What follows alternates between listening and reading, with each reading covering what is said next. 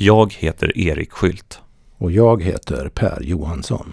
Och det här är alltså Myter och Mysterier, en poddradioserie i tio avsnitt som har finansierats med hjälp av crowdfunding.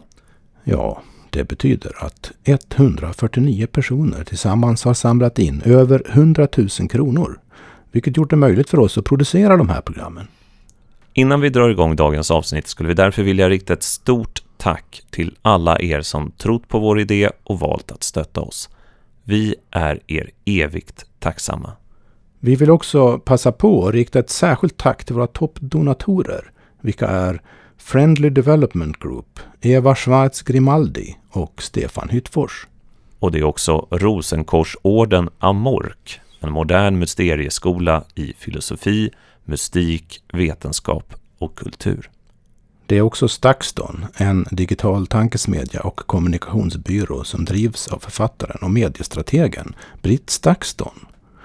Och vi vill också tacka Byggfenomen, arkitektkontoret som inte ligger i tiden.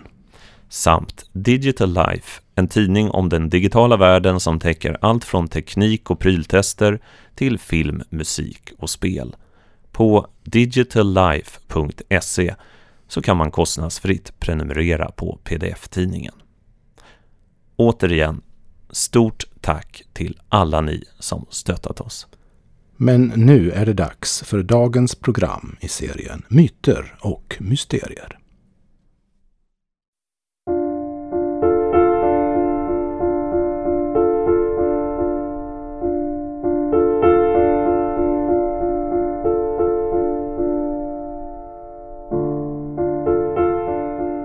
Det är en kall vårvinterdag när vi vandrar längs med grusgångarna från parkeringen upp mot det gamla slottet.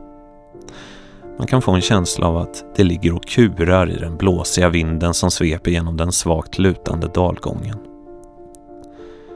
Vi befinner oss någon mil söder om Hässleholm i Brönnestads socken, inte långt från Finjasjöns södra strand. Hovdala slott Ja, så heter den stora, lite dystra byggnaden framför oss. Det här är marker med långa anor tillbaka i tiden och det går fortfarande att se spår av områdets dramatiska historia. Här har stridigheter mellan danska och svenska arméer utkämpats, kanske också mellan snapphanar och Karl XIs trupper. Skador av musköternas kulor ska fortfarande finnas i fasaden på slottet. Så släpps vi in genom en knarrande träport och plötsligt är det som att på riktigt gjort en resa i tiden. Upp för en bred trätrappa och genom ännu en dörr. Här har vi det omfattande biblioteket där vi ska spela in dagens samtal.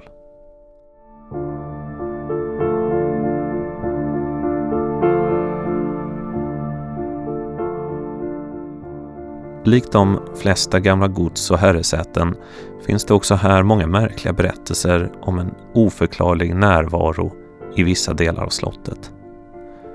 Rum som man helst inte ska gå in i, kalla kårar längs med ryggraden, sällsamma ljud och sken. Ibland vill inte ens personalen gå ensam genom de gamla salarna om kvällarna. Men dagens program ska inte handla om spökerier, andar eller gengångare. Utan om något ännu vidare, något som verkligen berör precis varje människa. I alla tider har det funnits historier om livet efter detta. Det kan ha handlat om stora mytologier eller enkla berättelser från till exempel sjukvården där vissa erfarenheter inte har kunnat förklarats med naturvetenskapliga termer. I grunden finns den stora gåtan. Vad händer när vi dör? Det här är Myter och mysterier som idag har rubriken Reinkarnation. När jag kommer till sådana här platser så kan jag ofta få en känsla av att vara född i fel tid. Det där säger man ju lite då och då. Jag är född i fel tid för det. Åh, vad mysigare det måste varit förr i tiden. Och det är så mm, stökigt nu för tiden och allt går så snabbt. Och det där... Det, det är ju åsikter man ofta hör. Men jag skulle vilja påstå att det här som jag menar när jag säger att jag är fel tid går djupare än så. Att det faktiskt är sant att jag, jag är född i fel tid. Jag har blivit något fel. Det, det ska inte vara på det här sättet. Den känslan kan jag ofta få. Um, jag kan också få en känsla av att jag är född på fel plats. Jag har ju bott hela livet i Stockholm, innerstan där. Uh, ja, verkligen. Utpräglat stadsliv. Det är inte riktigt jag. Jag känner mig mer hemma här i Skåne faktiskt. Jag känner mig inte hemma i barrskog utan mer i lövskog. Känner mig hemma i, i ett öppet jordbrukslandskap. Ungefär det som finns här runt, runt slottet som vi sitter i. Och jag känner mig mer hemma i en tid som inte är den här. Och jag skulle vilja påstå att det inte bara handlar om någon slags nostalgisk dröm om det svunna, utan att det är något reellt i det här som har med vem jag är på djupet. Sen så var det här kommer ifrån alltså. Det vet jag inte. Det... Det spelar inte så stor roll heller. Känslan finns där. Och den aktiveras varje gång jag befinner mig i en miljö som är otidsenlig. Det hände när vi kom till eh, Strindbergs lägenhet. Som är från 1900, början av 1900-talet. Då kände jag, här skulle jag kunna bo. Vilka vackra tapeter. Vad mörkt och grönt det var i det här sovrummet. Vilka fina, fina lampor. Sådana här dova kupollampor med ett eh, milt gult sken. Inte det där stränga lysröret eller halogenlampan som annars brukar lysa upp ens tillvaro. Och trots att det här slottet är väldigt speciellt i och med att det är ett litet, det är ett lite ruggigt slott skulle man kunna säga. Det är lite vint och skevt och mörkt och inte fallfärdigt men, men, men slitet på något sätt. Så kan jag känna samma sak här. Jag gick i trappan här upp. Kände jag det här är en trappa för mig. Knarrade och var mörk. Och... Så allt det här talar till någonting i mig som jag inte riktigt vet vad det är. Och jag tror att de flesta skulle säga att ja, ja, ja, men det, det, det är klart man drömmer om andra tider. Det är en, man, har, man är väl lite romantisk eller sentimental kanske. Men jag skulle vilja säga att det, det, är något, det är något annat, någonting lite okänt för mig som aktiveras när jag kommer till sådana här platser. När du säger att du har hamnat i fel tid, att det har blivit något fel så kommer jag att tänka på, med, eh, i synnerhet med tanke på att vi har valt att sätta rubriken reinkarnation på det här programmet, så kommer jag att tänka på en professor i psykiatri vid University of Virginia som under många år, ja under, under mer än 40 år tror jag, ägnade sig åt att samla in rapporter om och han intervjuade också personligen över 3000 barn från hela världen som hade det gemensamt att de sa sig minnas tidigare liv.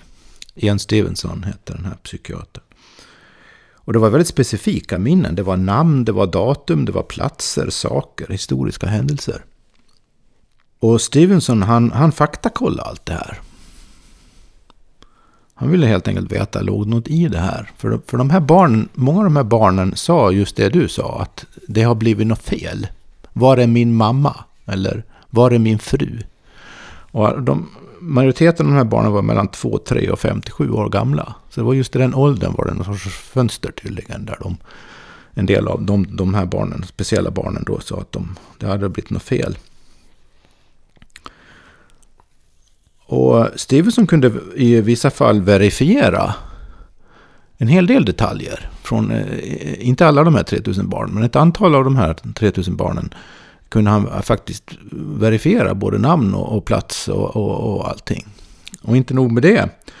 En av hans efterföljare som jag just nu har glömt namnet på, alltså också på University of Virginia, han eh, fick för sig att han skulle använda, använda sådana här verktyg för ansiktsigenkänning. Och jämföra de här barnens ansikten med de de påstod sig likna. Mm.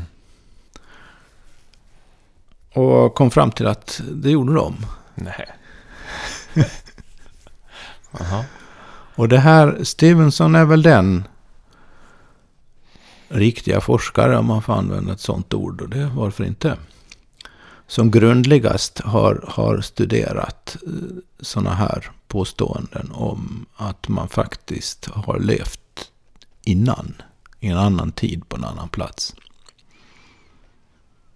Och den här sortens fakta, vi kallar det för det. Det, alltså, det, det är fakta på det sättet att han har gjort en grundlig empirisk undersökning. Han, han har kontrollerat, det är dubbelkollat på olika sätt. Det är i, i grund och botten ganska svårt att säga emot data på ett sätt. Jag sa fakta innan. Data hade väl varit egentligen en mer korrekt vetenskapligt sett term. Frågan är då vad de här data betyder. Vad skulle kunna förvandla de här data till ett faktum? Är det här som han själv väl hävdade och som många har velat tolka det som sen bevis, starka tecken på reinkarnation? Eller vad är det? Och där, där kommer vi då rent vetenskapligt sett till ett problem. Nämligen att fakta måste teoretiskt underbyggas för att kunna bli fakta. Ingenting är ett faktum av sig självt automatiskt. Vi använder ju ofta termen fakta som, som på det sättet. Ja, men det är ett faktum, de menar det, det är sant, det går inte att tvivla på det, är så det är. Men så, så fungerar det inte vetenskapligt sett, utan faktum blir saker när det finns en teoretiskt allmänt accepterad och testad och hållbar förklaring till det. Vi, vi har nämnt Newton hur många gånger som helst. Vi kan, ta, vi kan ta det igen bara som ett paradigmatiskt exempel, ett mönsterexempel på det här med, med, med faktum. Vi säger att, säg att du har data, som data, alltså ett observationsdata som datum som säger att om du släpper en kropp så händer det vissa saker. Om himlakropparna rör sig på ett visst sätt så är det enligt ett visst mönster som går att fastställa och mäta. Och så kommer Newton och säger det beror på gravitationen. Och så visar han matematiskt att det stämmer, det stämmer överens. Han får de här observationerna, data, och stämmer överens med hypotesen om att det finns en kraft som är gravitation. Jaha, då blir gravitationen ett faktum. Men anledningen till att gravitationen är ett faktum i vetenskaplig betydelse, det är att det finns en teori som talar om på vilket sätt och hur och varför det är ett faktum. Skulle en sån, hur skulle en sån teori behöva se ut då för att göra de här berättelserna av tidigare liv till ett faktum? Ja, det är det som är problemet här. Vi kan ju kanske återkomma till lite teoretiska spekulationer längre fram. Det jag vill framhålla nu är att det här säger väldigt mycket om hur vetenskap i praktiken fungerar. För här har du alltså en, en massiv datasamling av en akademiskt akkrediterad forskare som tyder på vissa möjliga hypoteser. En hypotes är reinkarnation. Men i, i psykiatrin, psykologin, stud, det vetenskapliga studiet av människan i övrigt så finns det inget teoretiskt utrymme för antagandet att vi skulle kunna överleva vår kropps död. Det går emot alla de fundamentala antagandena som driver alla vetenskaper nu för tiden som har med det att göra. Åtminstone hittills har det gjort det. Så det finns med andra, med andra ord ingen etablerad forskningsmässigt accepterad förutsättning för att ens börja spekulera kring det hela. Så därför är, därför är det egentligen fel då på ett sätt att säga att Jens Stevenson har bevisat reinkarnation. Vetenskapligt sett har han inte gjort det. Han har visat på ett antal intressanta svårförklarliga data som det egentligen just nu inte finns någon vetenskaplig förklaring till. Men om man skippar det vetenskapliga så är, så är det ju väldigt svårt ändå att se det som, som, som, som något annat, tecken, annat än tecken på att människan vår själ eller vad vi vill kalla det, vårt medvetande, vår historia är kanske något annat än vi, vi tror. Det känns ju som att det här tecknet eller den här berättelsen är starkare än till exempel i förra programmet när vi pratade om astrologi. Då visade det sig att ingenting, när man försökte göra en lite vetenskaplig studie, visade det sig att ingenting egentligen stämde. Ja, det är det helt klart. Det skulle jag definitivt säga. Det finns ju andra studier också av två olika kategorier, eh, särskilt en kategori erfarenheter som inte nödvändigtvis pekar mot reinkarnation, men som skulle kunna åtminstone stämma överens med den idén, nämligen sådana här så kallade nära döden-upplevelser. Ja, nära döden-upplevelser, det är ju sånt som man hör ganska mycket om, tycker jag, från olika håll. Det finns ju dels personer som har, som har skrivit böcker och mm, berättat om väldigt grundligt. Och sen så kan jag också känna att man har hört det lite i sådär bekantskapskretsen. Det behöver inte alltid vara nära ett, just ett dödsögonblick, utan det kan vara lite mer sådär en operation som går fel eller... Ja, eller som när jag var liten just gjorde det. den där blindtarmsoperationen. Ja, men berätt, någonting i ja, den men, stilen. Ja, men berätta om det igen då, bara som en liten rep repetition. Ja, men det var ju... Eh, där, fan, nära döden-upplevelser, när man förknippar det med diskussionen om reinkarnation och sånt där, och att själen kanske lever ett liv oberoende av kroppen i någon mening, som, som vi med vår nuvarande vetenskap har svårt för att göra någon reda i. De, de brukar börja med att man lämnar kroppen. Och att man ser, eller på annat sätt erfar saker som händer runt omkring en. Att man ser saker från en annan position, att man blir varse saker som man inte skulle kunna bli varse för att man antingen har man dött eller också har, är man sövd i en operation som i mitt fall då när jag blev opererad för blindtarmen och, och, och såg vad som hände uppifrån taket någonstans ungefär. De här nära döden-upplevelserna brukar börja med en sån beskrivning. Men sen går ju de vidare då. Att en, en, en vanlig beskrivning är att man färdas genom en sorts tunnel mot något ljus i änden på tunneln. Det finns andra varianter på det här. Det är inte alltid tunnlar och det är inte alltid beskrivet på det viset. Men poängen är att det är någon sorts tillståndsförändring. Och sen befinner man sig plötsligt i en annan, i en annan verklighet där det händer olika saker. Och mm, ibland möter man någon, någon, någon, någon, sorts person som, som uppfattas som en vägvisare som säger att nej, det är inte dags för dig än. Typ. Mm. Och så får man åka tillbaka. Och, och en del går lite längre. Och det, fin, det, det finns också eh, undersökningar baserade på hypnos där man har försökt komma åt vad man eh, ofta kallar tidigare livupplevelser vissa psykologer och psykiater har fått för sig att, och testat också att man kanske skulle kunna bota trauman av olika slag genom att eh, anta att det här om man jämt har ont i vänster höft av någon mystisk anledning som inte går att förklara medicinskt, som man aldrig blir av med. Och så gör man en sån här så kallad regression och, och, under hypnos och så hamnar man i vad som verkar vara ett annat liv och så där får man ett ett spjut i höften på vänster sida under någon strid eller någonting. Eller det kan vara någon annan typ av olycka. Och, och, och, när man väl har blivit varse det där i, under hypnos i en sån här sektion då så eh, påstås det att, att eh, de här problemen upphör. Antingen på en gång eller efter ett tag. För någon mera sessioner om det ligger något mer bakom.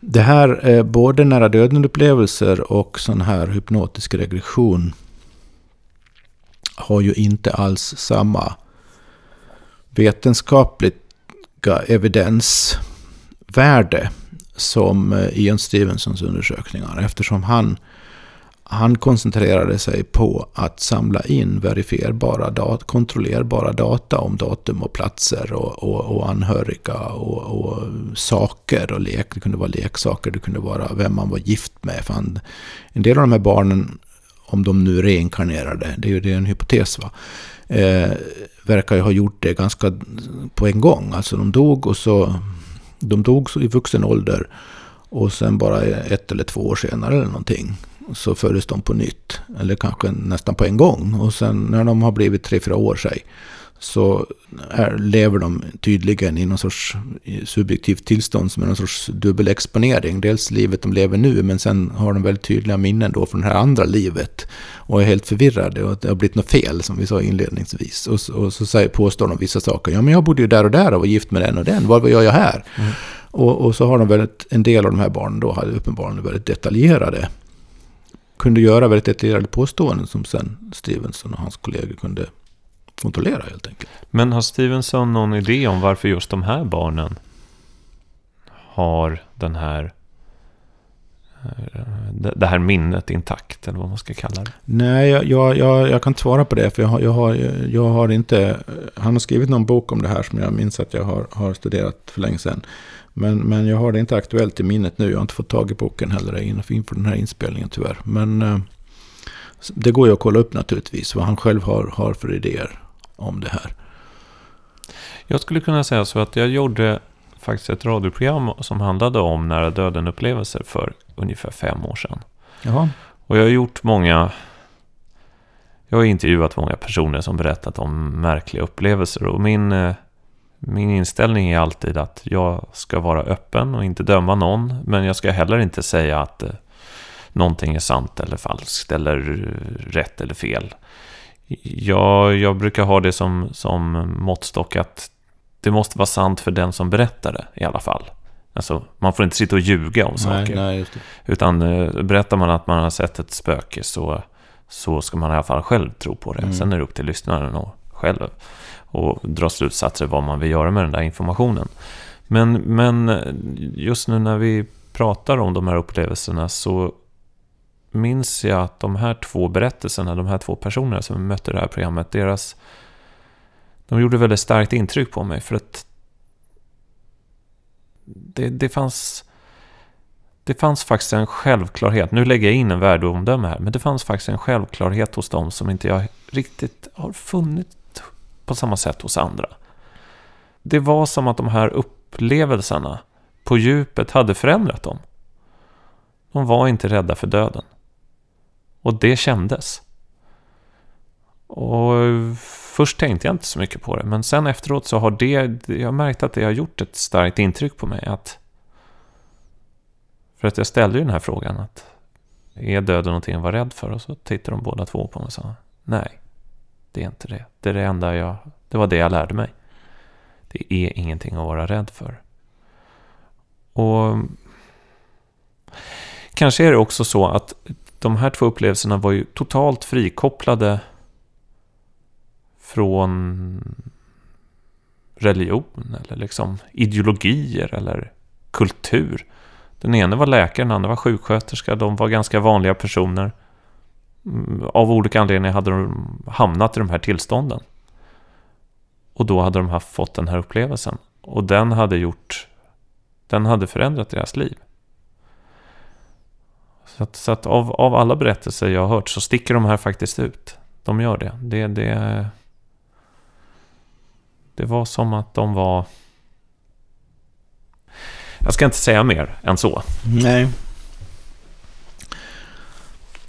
Jag berättade ju i tidigare program om en upplevelse som kom att förändra mitt liv väldigt radikalt egentligen. Särskilt på sikt. Där jag eh, väldigt tydligt och påtagligt erfor att jag befann mig någon annanstans. Flera andra stanser. I, i vad som verkade vara olika liv. Det är också en sån här upplevelse som om man är, känner till begreppet och föreställningen om reinkarnation skulle lätt kunna tolkas i sådana termer, eller hur? Så det, det är ju en anledning för att jag, jag personligen har intresserat mig lite för den här frågan.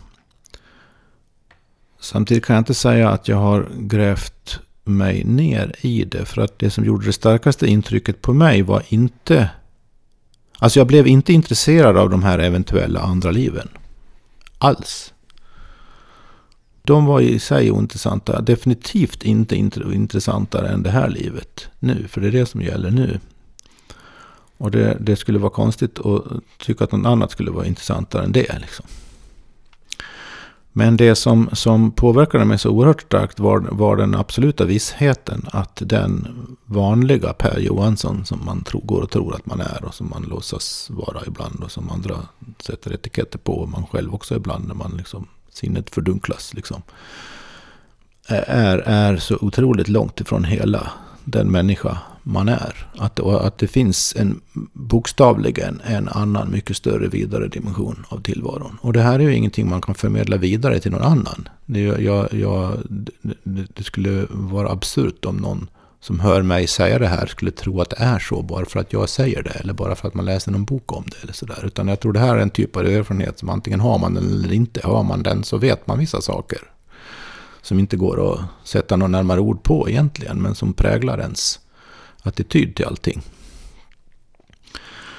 Och på ett sätt har jag väl själv inte kommit så mycket längre än så. Däremot har, har, har det ju öppnat då dörrar för att på en personligt väldigt fast grund tänka tanken att verkligheten är ganska annorlunda beskaffad än vi eh, normalt utgår ifrån i, i vårt moderna västerländska samhälle. Och det är också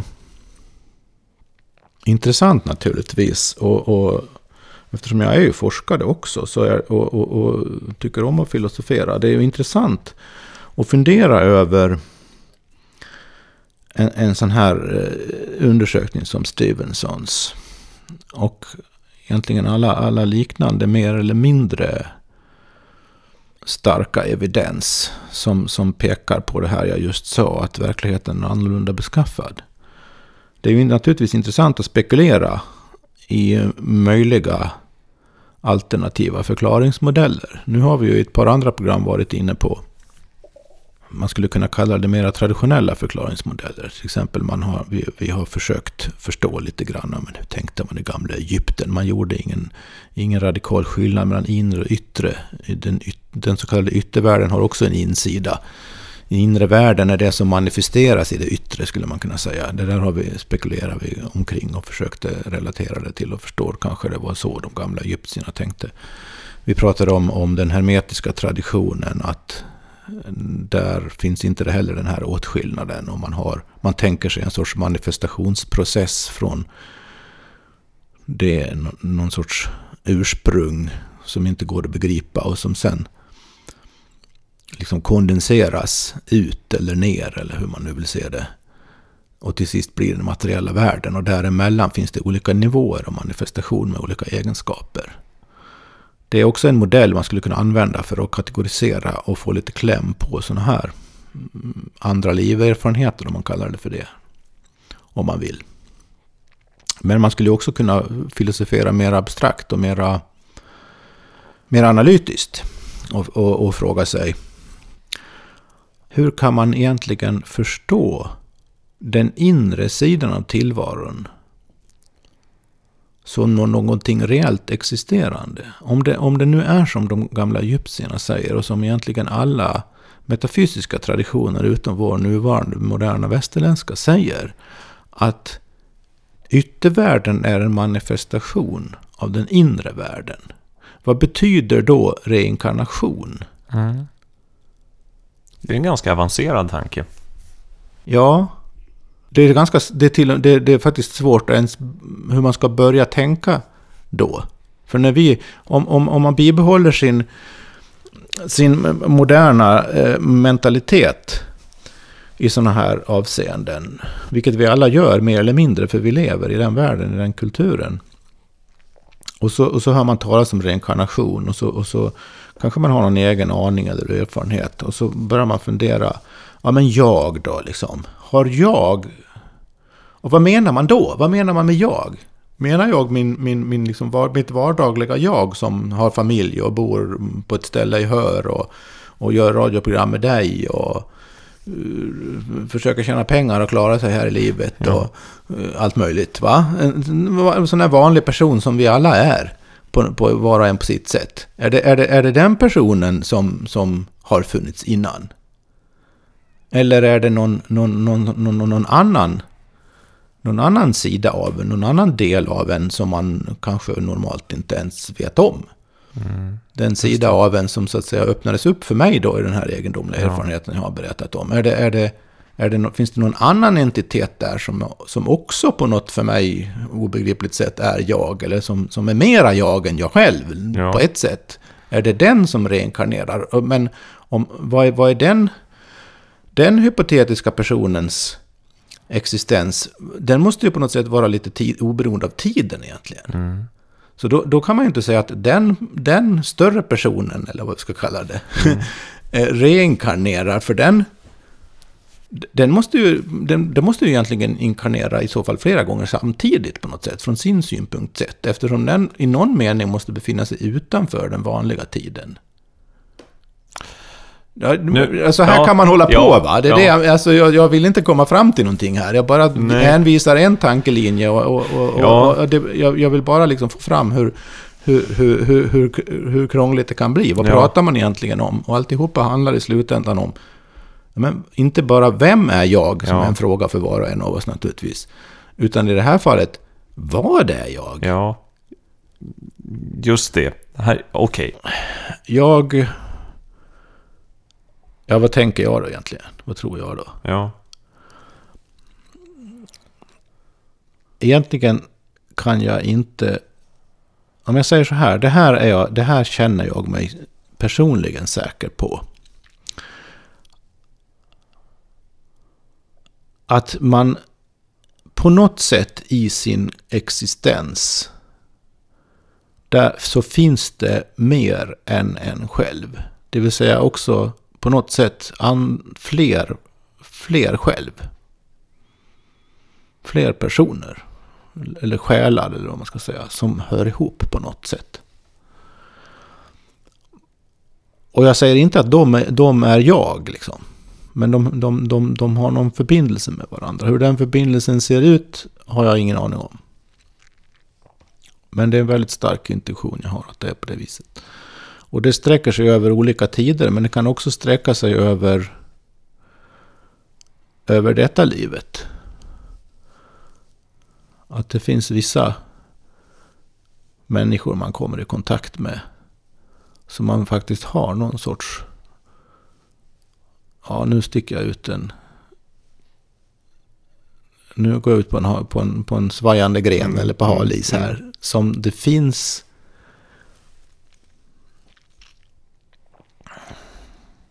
En metafysisk, som man har en, en bokstavligen metafysisk förbindelse med. Mm. Som man märker av Mm. när man träffar varandra.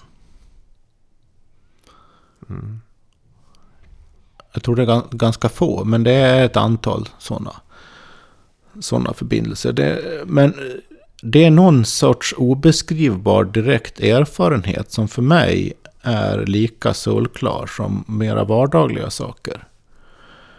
Men på ett rent teoretiskt eller filosofiskt eller vetenskapligt plan så är det ju liksom ingen nytta med sådana påståenden, Nej. skulle jag säga. Nej. Så det är därför jag också kan säga att på, på ett sätt är jag inte särskilt intresserad av några förklaringar eller hypoteser här. Jag är egentligen, fastän jag, jag har ju studerat många olika saker, reinkarnationstanken i olika former är en av dem, men jag kan inte säga att jag egentligen är mera intresserad av det än av något, något annat, bara för att jag har haft vissa erfarenheter och bara för att jag har de här intuitiva övertygelserna som jag har. Mm. Utan de, det har för mig ett annat värde. Det fyller, det fyller hela min tillvaro med en sorts känsla av att det finns någon underliggande mening. Mm. Det finns någon sorts väg man skulle kunna gå som är mera rätt än alternativa vägar. Och den har man någon sorts känsla för, någon Ja. sorts kompassriktning. Men mer än så kan jag inte säga och vill jag inte säga och är inte egentligen intresserad av att förklara heller. För jag kan inte se hur, hur det skulle kunna tillföra någonting. Men om vi stannar upp där vid, vid att känna en, en slags direkt samhörig, samhörighet med vissa personer. Så tror jag att man kan ju också lägga det på en... Man kan ju lägga det på en väldigt vardaglig nivå. Och sen så får människor själva, inklusive en själv, välja att göra en mer mystisk tolkning av det. Men tittar man på livet bakifrån Eh, eller tittar jag på mitt liv bakifrån så, så finns ju sådana personer, helt klart. Man har träffat dem av till synes en slump. Man har bytt tre ord och sen så förstår man att man känner varandra. Ja. Eller man, man, man gör det. Ja. Och sen så kan man sitta och beta av punkt efter punkt. Gillar du det där? Ja. Ja. Tänker du sådär? Ja, jag tänker också så. Man skulle ju kunna säga helt banalt, oromantiskt, att eh, ja, ja, vissa personer är man ju lika. Men det intressanta tycker jag är att det går inte att förutsäga vem man är lik. Alltså de här personerna som man är lik, det finns ingenting i det yttre som vittnar om varför de ska vara det.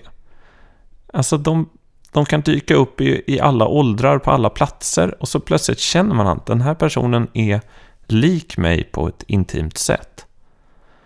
Och jag menar så, det här är ju sånt som människor säger när de blir väldigt förälskade, att det känns som att vi alltid har känt varandra. Men så, så har jag känt i alla fall. I vissa situationer i livet. Och det har jag, det har varit så starkt så att jag har varit tvungen att och velat bejaka det. Och då har mitt liv ofta gått in i en ny fas när jag har huggit tag i den personen och gjort den personen till en del av mitt liv. Och då har... Det är som att... Jag, det har känts väldigt rätt. På ett sätt som inget annat känns rätt. Alltså, man tvekar ju kring så mycket. Men vissa saker har varit fullständigt självklara. Men jag har försökt utöva lite urskiljning när det gäller det här. För att det är ju här, precis som vi pratade om i eh, astrologiprogrammet, så, så finns det vissa psykologiska mekanismer som lätt träder i kraft här. Att man, om man av någon halvt omedveten anledning har någon sorts önskan att det skulle vara så här. Att man alltså på sätt och vis avsiktligt eller halvavsiktligt söker sådana här kontakter med andra människor. Om det bara finns en liten sån tendens av önsketänkande, kan vi kalla det då.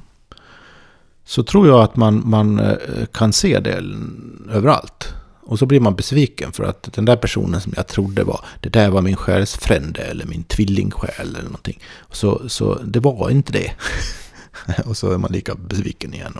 Så det, det, det, det finns... Och, och, och jag, jag är inte immun mot sånt. Det, det har hänt mig också. Särskilt, I alla fall när jag var yngre. När jag, senare, det var länge sedan sist. Men jag vet att det har, jag känner, liksom känner igen hur det funkar det där. Men de fall som jag tror du menar också, som man i efterhand vet har blivit någonting. Det är personer som det verkligen har blivit någonting med. Som man har börjat umgås med, göra saker tillsammans med. Eh, som betyder någonting för en på ett sätt som ingen annan kan göra. Eh, vare sig det, man kanske bara gjort, träffats en eller två gånger. Eller man träffas ofta. Det, det spelar verkligen inte heller spelar någon roll. Men om, om jag identifierar den handfull sådana människor eh, som finns kring mig eller har funnits så är det någon, det finns en gemensam, och det här går aldrig att sätta i ord. Det går aldrig att beskriva det här för någon annan som inte känner igen det. Men det, det, det är en speciell kvalitet som har något att göra med det du sa. Att det, man, man, man erfar det väldigt starkt och absolut på en gång. Och det försvinner inte.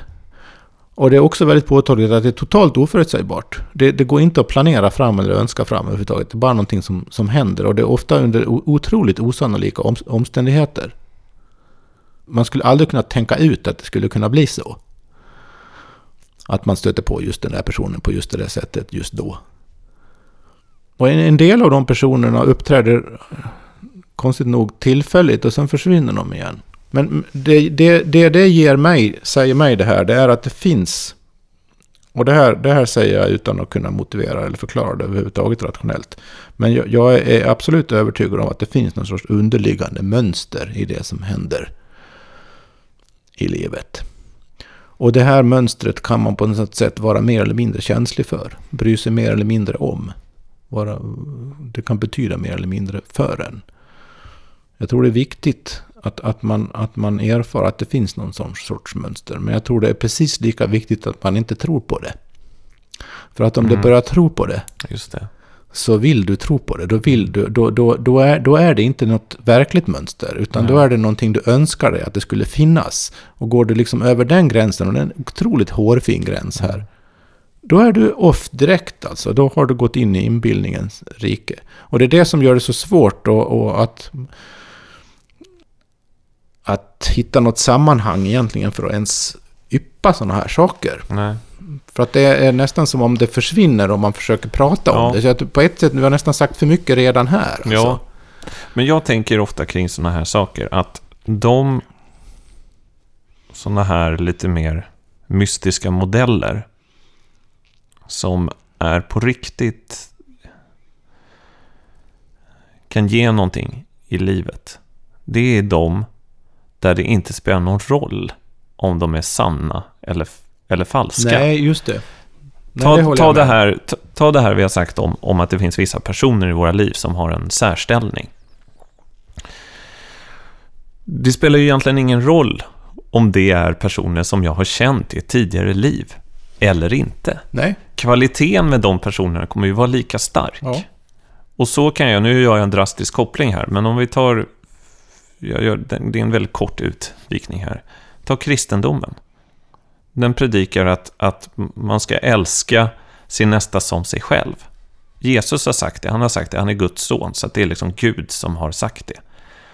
Ta bort Gud och säg att han kanske inte finns. Mitt liv tror jag i alla fall, och världen kommer bli bättre om man lever efter den devisen. Mm. Sen om den är sann eller falsk, ja, jag kanske tror att den är på ett sätt sann. Men det spelar ju egentligen ingen roll. Livet, världen kommer ändå bli bättre. Och det tänker jag, det är, de, det är de reglerna som man på något sätt kan följa. För sen så finns det ju i alla mystiska och religiösa traditioner tusentals regler som känns som att om det inte var att det fanns någonting externt, då skulle man inte brytt sig om dem. Förstår du den distinktionen? Ja, ja, ja, det gör jag. Oh ja. Det är det här reella, det är den reella inverkan på ens liv. Det är det som är det centrala. Om inte den finns, då kan man ju Nej, det, det, då kan man strunta i det. erfarenheten och det man faktiskt gör av det är det, är det enda som egentligen betyder Ja. någonting. Den teoretiska förklaringen eller trosföreställningen Ja. är helt, helt sekundär. Samtidigt, det, det håller jag verkligen med om. Det, det, det är en av de viktigaste anledningarna till att jag brukar säga att jag tror inte på någonting. Det betyder att jag inte att jag har, inte har några att jag inte har någon, någon eh, jag sa ju nyss att jag var övertygad om vissa saker, eller hur? Mm. Men jag, när jag säger det så menar jag inte att jag tror på dem. Utan det är snarare att jag vet att det är så. Men eftersom jag vet att det är så så är det inget mer med det. Jag menar, jag vet att jag är si och så lång och har den och den hårfärgen. Och om jag tittar mig i spegeln så ser jag ut si och så. Ibland är jag trött och ibland är jag glad. Och, och, eh, än sen, det väl, spelar väl ingen... Det är så det är liksom. Och, och på samma sätt är det med detta egentligen. Och, och den teoretiska förklaringen till, att, till, till min hårfärg eller ögonfärg eller, eller, eller, någonting eh, varken tillför eller inte. Men det enda gång det här med teorier och metafysik eller trosföreställningar eh, blir ett problem, det är när människor i grund och botten känner att livet erfarenhetsmässigt på något sätt är på, på ett visst sätt. Säg att det är i den här riktningen, att det finns någon sorts underliggande mönster i tillvaron. Som jag är säker på. Eh, jag använder ett starkt här, ord här nu, för jag ogillar allt för mycket omskrivningar. Om jag vet att det är så, erfarenhetsmässigt, på något sorts intuitivt plan, som, som inte går att försvara i en vetenskaplig eller filosofisk debatt på rationellt plan. Men, och jag vet det, och är omgiven av en allmän föreställningsvärld, en officiell föreställningsvärld, som förnekar att det skulle kunna vara så. Då är det ett problem. Och därför finns det anledning att prata om det här med vad, vad, vad det, hur, hur tror vi egentligen? Hur formulerar vi saker och ting egentligen? Hur, hur ser våra filosofiska antaganden ut? På vilka premisser bedriver vi vetenskapliga undersökningar? Om, eh, i, I vilka avseenden är vår vetenskap giltig? I vilka avseenden kan den inte säga någonting? Om Mm. sådana här saker kanske till exempel. Va? Om diskrepansen mellan min er, erfarenhet av att vara människa och de officiella beskrivningar och förklaringar och trosföreställningar som finns runt omkring mig. Om den diskrepansen blir för stor, då blir trosföreställningarna ett problem. Mm. För då stämmer de ju inte överens. Då, blir, då, då, då lever jag i en ständig konflikt mellan min, min, min tanke, rent rent sant det som på något sätt avkrävs mig tankemässigt, skulle man kunna säga, och eh, vad jag vet eller hur jag är. Men upplever du att ditt liv är, är så? Tidigare har jag gjort det i hög grad. Det tror jag, de flesta, det tror jag väldigt många människor i vårt moderna samhälle gör. Upplever en diskrepans mellan, mellan vad man på något sätt känner på sig men inte kan hitta ord för. Å ena sidan. Och å andra sidan de här sakerna som man, man ska tro på. Tidigare skulle man tro på den kristna läran. Enligt ganska fyrkantiga påbud. Eller hur? Mm. Nu ska man tro på vetenskapen. Och om vetenskapen säger att det där är bara inbildning. Eller det där beror på den och den molekylen som gör det och det. Så ska, så ska, man, så ska man tro på det. Mm. Där ser jag ett problem. Jag måste bara här avslutningsvis i programmet alltså fråga lite mer om, om det just idéhistoriska arvet kring reinkarnation. För jag, det tycker jag är för spännande för att eh, hoppa över det. Ja, Eh, eh, för, absolut. att, för att på ett sätt så, så känns det som att det är... Vi har ganska lätt att tala om det här och jag har känt det i andra sammanhang. Att just reinkarnationstanken är lite lättare att prata om än till exempel det vi hade som ämne till förra eh, programmet, nämligen astrologi. Samtidigt så, så verkar hela vår västerländska historia, ehm, och då tänker jag ju då framförallt på den, på den kristna läran, den verkar helt tvättad från alla sådana här idéer. Om vi tar kristendomen först. Ja, Så, så, du, så, kan man, så kan man, om och vi håller det här idéhistoriskt, så är det ju faktiskt så att den kristna traditionen är bokstavligen tvättad på den här tanken. jaha, hur menar du då? Det fanns framstående kristna teologer under de första 400-500 åren av, av, av kyrkans historia som omfamnade tanken på reinkarnation och inte såg några problem med det. En av de mest kända och en av de största av de tidiga teologerna överhuvudtaget, Origenes, eh, som var verksam i, i Alexandria till exempel. Eh, och hans lärare också Clemens av Alexandria. Eh, Origenes eh, omfamnade reinkarnationstanken och det finns, det finns andra tidiga kristna som, som eh, tänkare som inte såg något problem med det. Det är väl Men- ganska tunga teologer? Ja, Origenes är oerhört tung. Han, han, eh, han fick aldrig officiellt kyrkofaders status och han heter inte Sankt Origenes idag. Och anledningen är bland annat detta. För eh, år 553 så var det ett koncilium, ett sånt här kyrkomöte där man bestämde vad man skulle tro på i, i, i kyrkan. År 553 i Konstantinopel så bestämde man helt enkelt att man får inte tro på reinkarnation. Mhm. Det blev en lag att det får du inte tro på. Och Så- i och med det så kunde Origenes inte bli helgonförklarad heller. För Nej. att det hade han ju alla förutsättningar för att bli annars. Så innan dess hade det varit en möjlighet i alla fall? Absolut, det var en sån här öppen diskussionspunkt skulle man kunna säga. Men efter 553 så var det, var det ingen öppen diskussionspunkt längre. Och det kan man ju spekulera i anledningen naturligtvis. Om man vill. Det ska vi nog inte göra här va. Men det, det är rätt så intressant att man liksom verkligen bestämmer sig för att nej det här. Det här stämmer inte överens med Nej. vi tycker att man ska tro. Mm. Tyckte biskoparna på det kyrkomötet. Det finns ju också eh, från antiken. I, I Platon kan man också hitta någonting som man skulle kunna tolka som en reinkarnationstanke. Mhm. Men inte nödvändigtvis i samma mening som, som vi vardagligt nu lägger i ordet. Hans dialog Staten avslutas med en lång berättelse som brukar kallas myten om er. Som inte så mycket är en myt utan snarare en sorts legend, legendarisk, eller en legend, en legendberättelse om en, en, en, en soldat som blev dödad i strid. Som heter Er.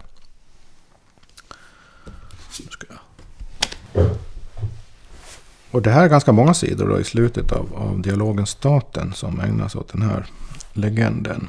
Er var en modig man som dödades i strid som jag sa. Men hans kropp förmultnade inte. Utan den förblev intakt. Började inte ruttna eller få likfärger och sådär. På tolfte dagen efter hans död när han låg på, på bålet. Och skulle alltså kremeras på bålet. Så vaknade han upp igen. Och när han hade vaknat upp så började han berätta vad han hade varit med om. Och han, vad han hade sett i den andra världen. Och då hade han sett hur själarna när de när de kommer till, till det här stället där han var, vad det nu var för ett ställe, icke-jordiskt ställe, kommer det själar från jorden, de såg rätt så slitna ut. Mm. Och så kom det själar från himlen och mötte själarna från jorden. Och så berättade själarna från jorden vad de hade varit med om. Och själarna från himlen berättade vad de hade varit med om. Och de som kom från jorden, de, var ju, de klagade och beklagade sig över allt möjligt elände. Men de som kom från himlen, de sa hur bra det var där. Och sen var det någon sorts process som gick ut på att vissa själar skulle gå tillbaka och återvända till jorden igen. Ja, och tydligen var det då frågan om mera kortlivade själar, som det står, som var tvungna att återvända till jordelivet. Och er, ert öde ska inte bestämmas för er, utan ni ska få välja själva.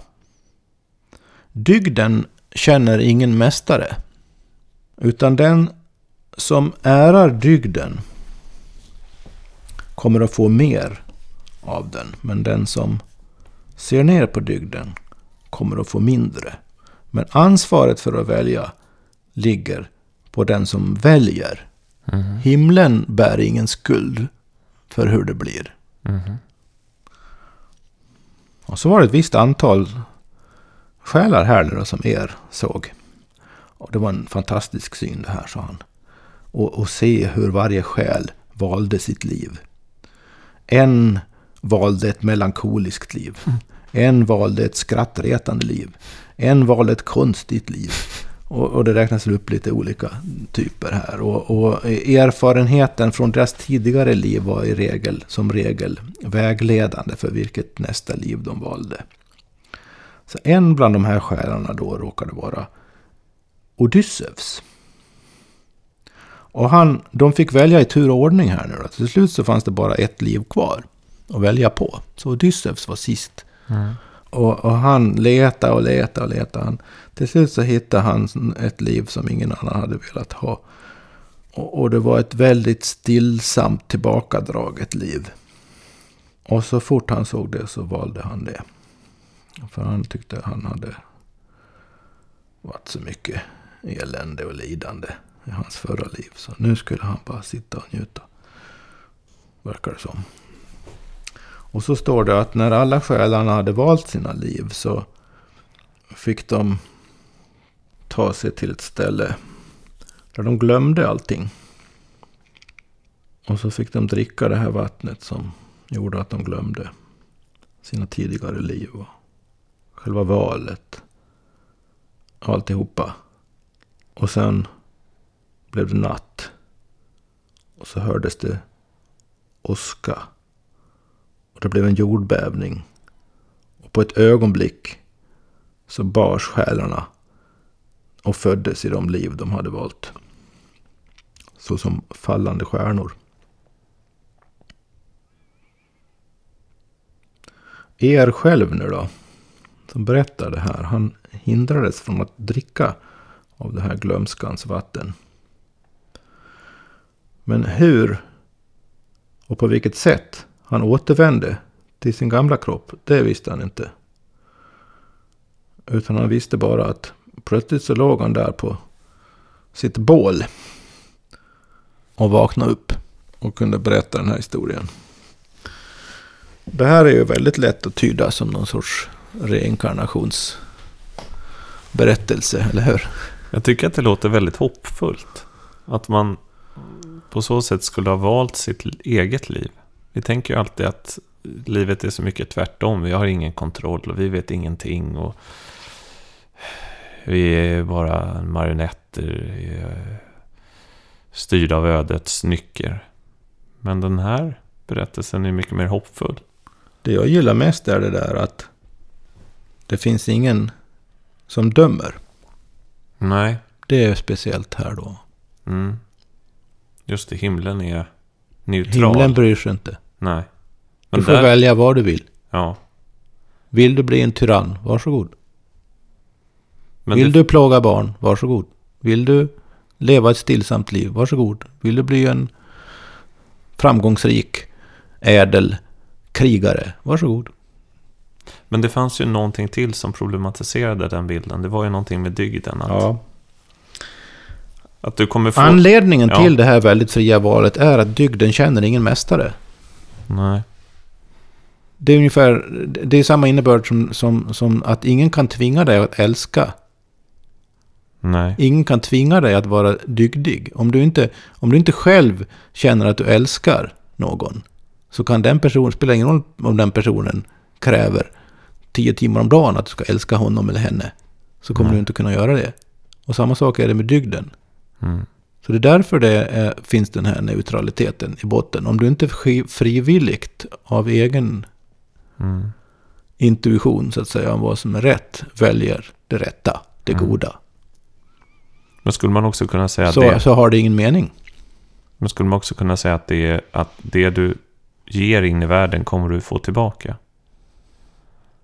Som jag, vad jag, jag, jag tolkar det här, en, en sak, aspekt av det här nu, för att de här själarna som väljer, väljer sina nya liv nu, de har ju levt innan på jorden. Och det står att de väljer, de har en tendens att välja i enlighet med hur de har haft det innan. Det finns någon sorts tröghet, egentligen någon sorts omedvetenhet i, den, i det underförstått där ju på sätt och vis. Ja, precis. Och då, då skulle man kunna säga att man bara fantiserar. Den som då tror fortfarande i det här mellantillståndet att vad härligt det är att vara tyrann. Ja. Den kommer välja det livet. Ja.